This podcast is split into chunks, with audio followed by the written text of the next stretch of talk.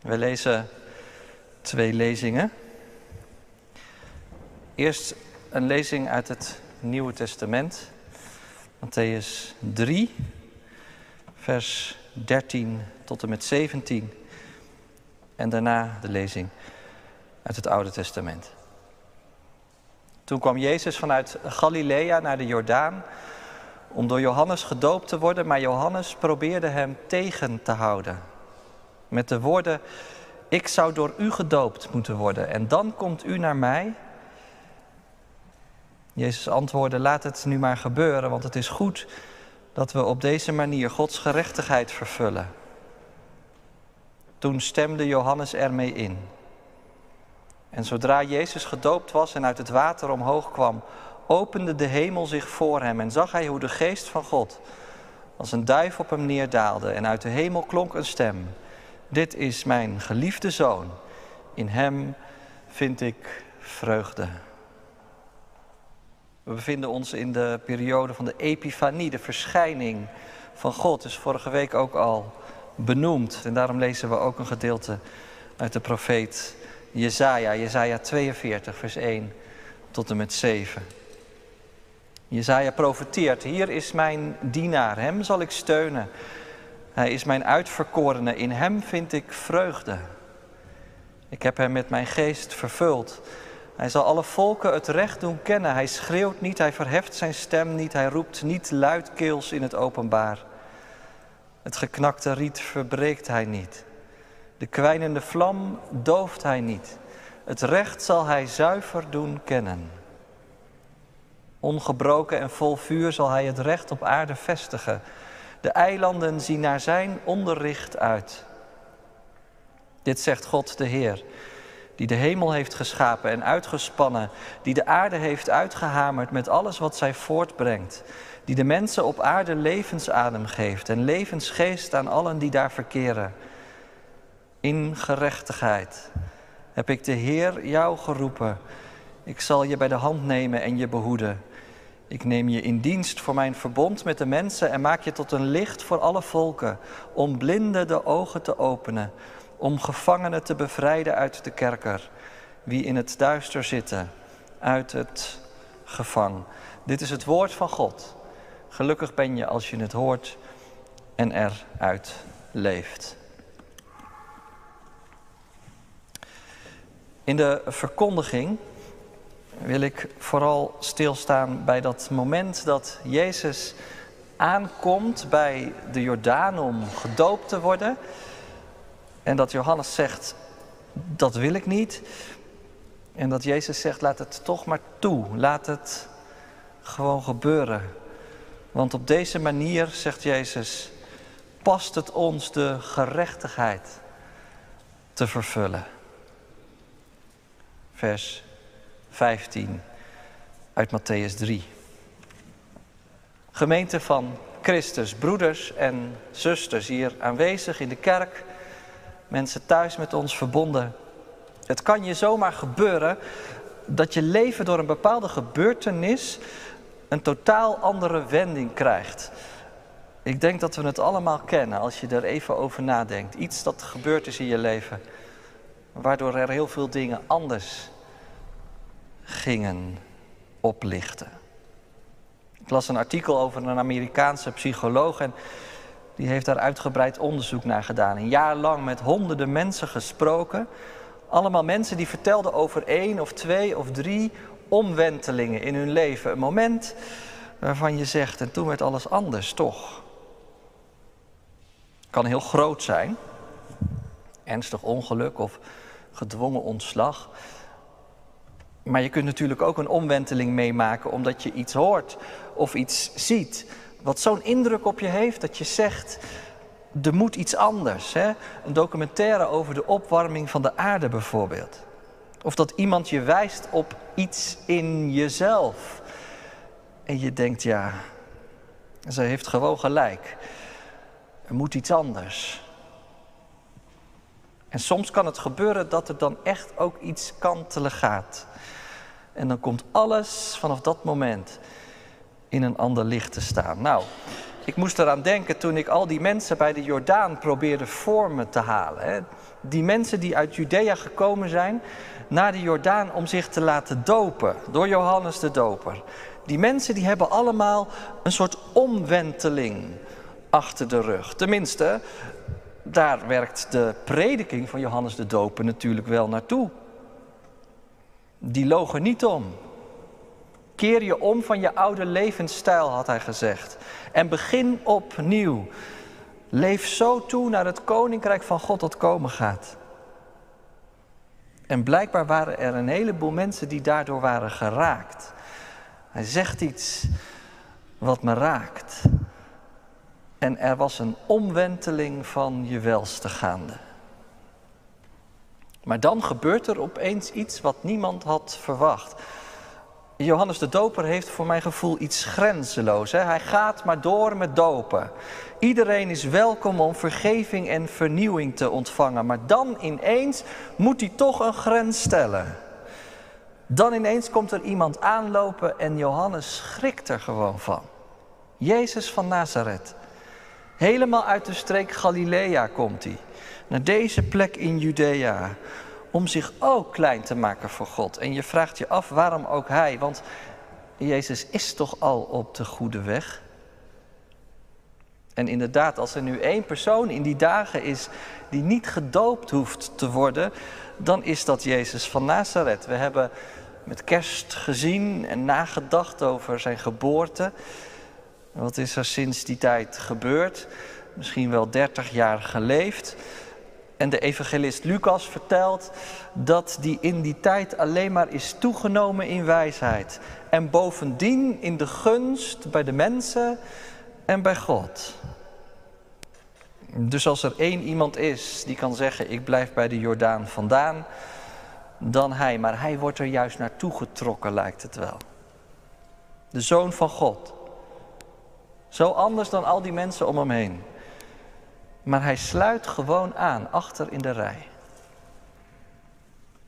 Ik zou vanmorgen dat beeld even willen uitlichten. Probeer het voor je te zien. Van Jezus die aansluit, achteraan in de rij.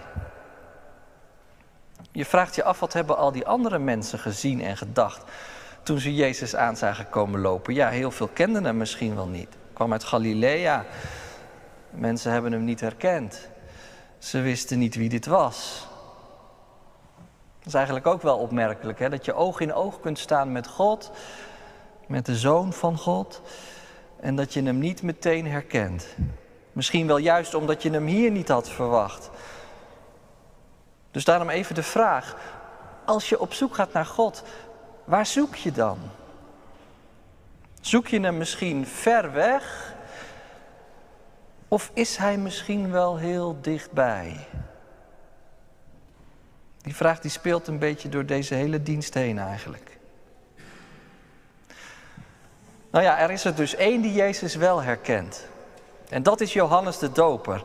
En hij kan zich gewoonweg niet voorstellen dat hij ook Jezus moet gaan dopen. En hij probeert hem daarom zelfs tegen te houden. Heel erg stellig. U niet. Maar Jezus zegt: hou me niet tegen. Laat het nou maar gewoon gebeuren. Het moet gebeuren. Ik moet hier zijn. Dat is duidelijke taal. Maar waarom? Nou, daar kun je allerlei redenen voor noemen. En een eerste reden is eigenlijk gewoon dit. Door zich te dopen neemt Jezus zijn roeping op zich. Tot nu toe waren er steeds anderen die we keuzes zagen maken. De ouders van Jezus, Jozef en Maria.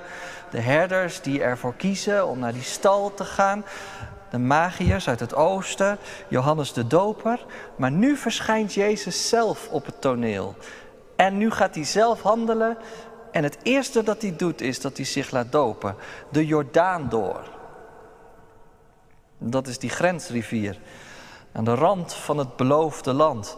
En daarmee laat hij niets minder zien dat hij bereid is om de lange weg het land in te gaan.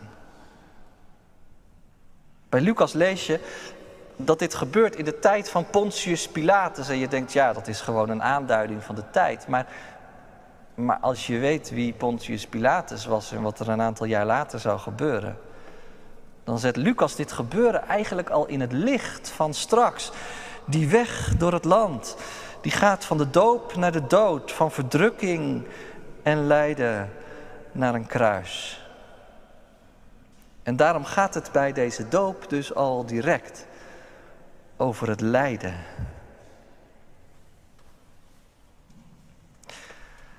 Een tweede reden ligt eigenlijk hierin dat je je kunt afvragen, maar voor wie gaat Jezus die lange weg dan?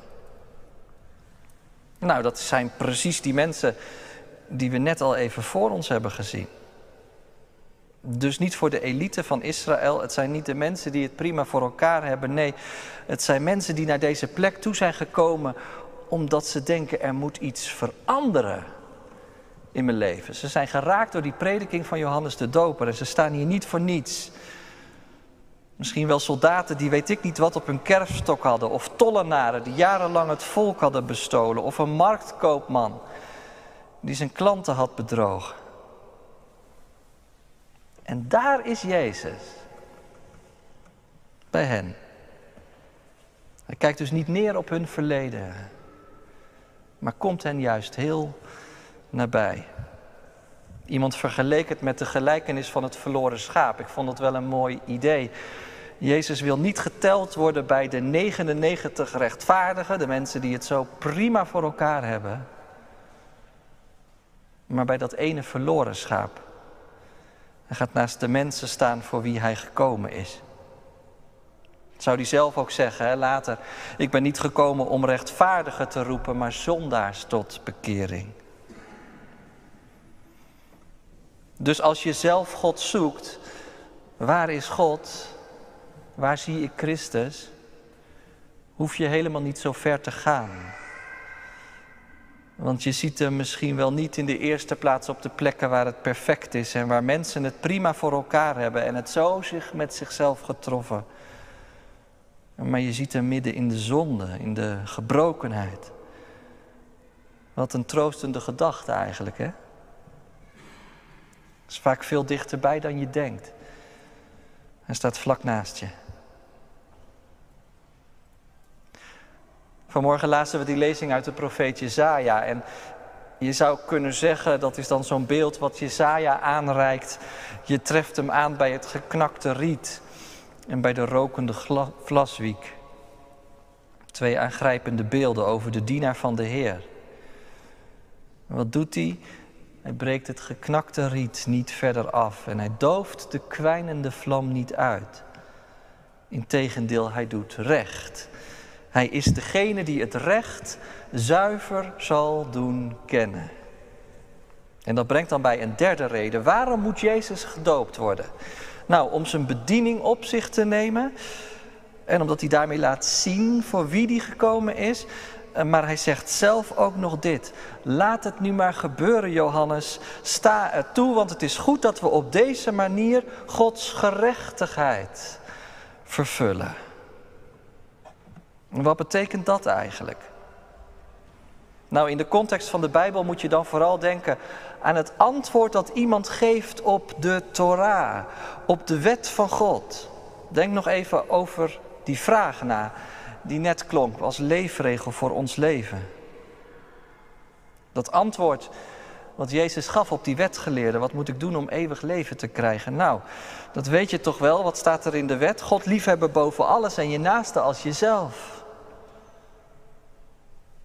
Recht doen is leven in overeenstemming met dat gebod.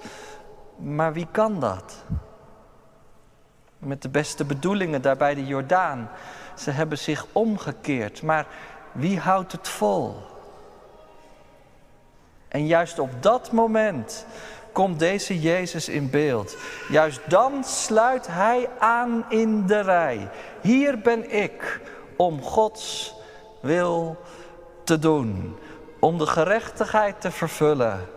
Zijn hele leven één groot getuigenis dat hij de weg gaat die God van mensen vraagt, liefde geeft, die niemand geven kan. En moet je kijken wat er dan gebeurt. Dat is heel mooi. Op die daad van gerechtigheid, op die uiting van diepe liefde, volgt een grandioos antwoord, want de hemel gaat open.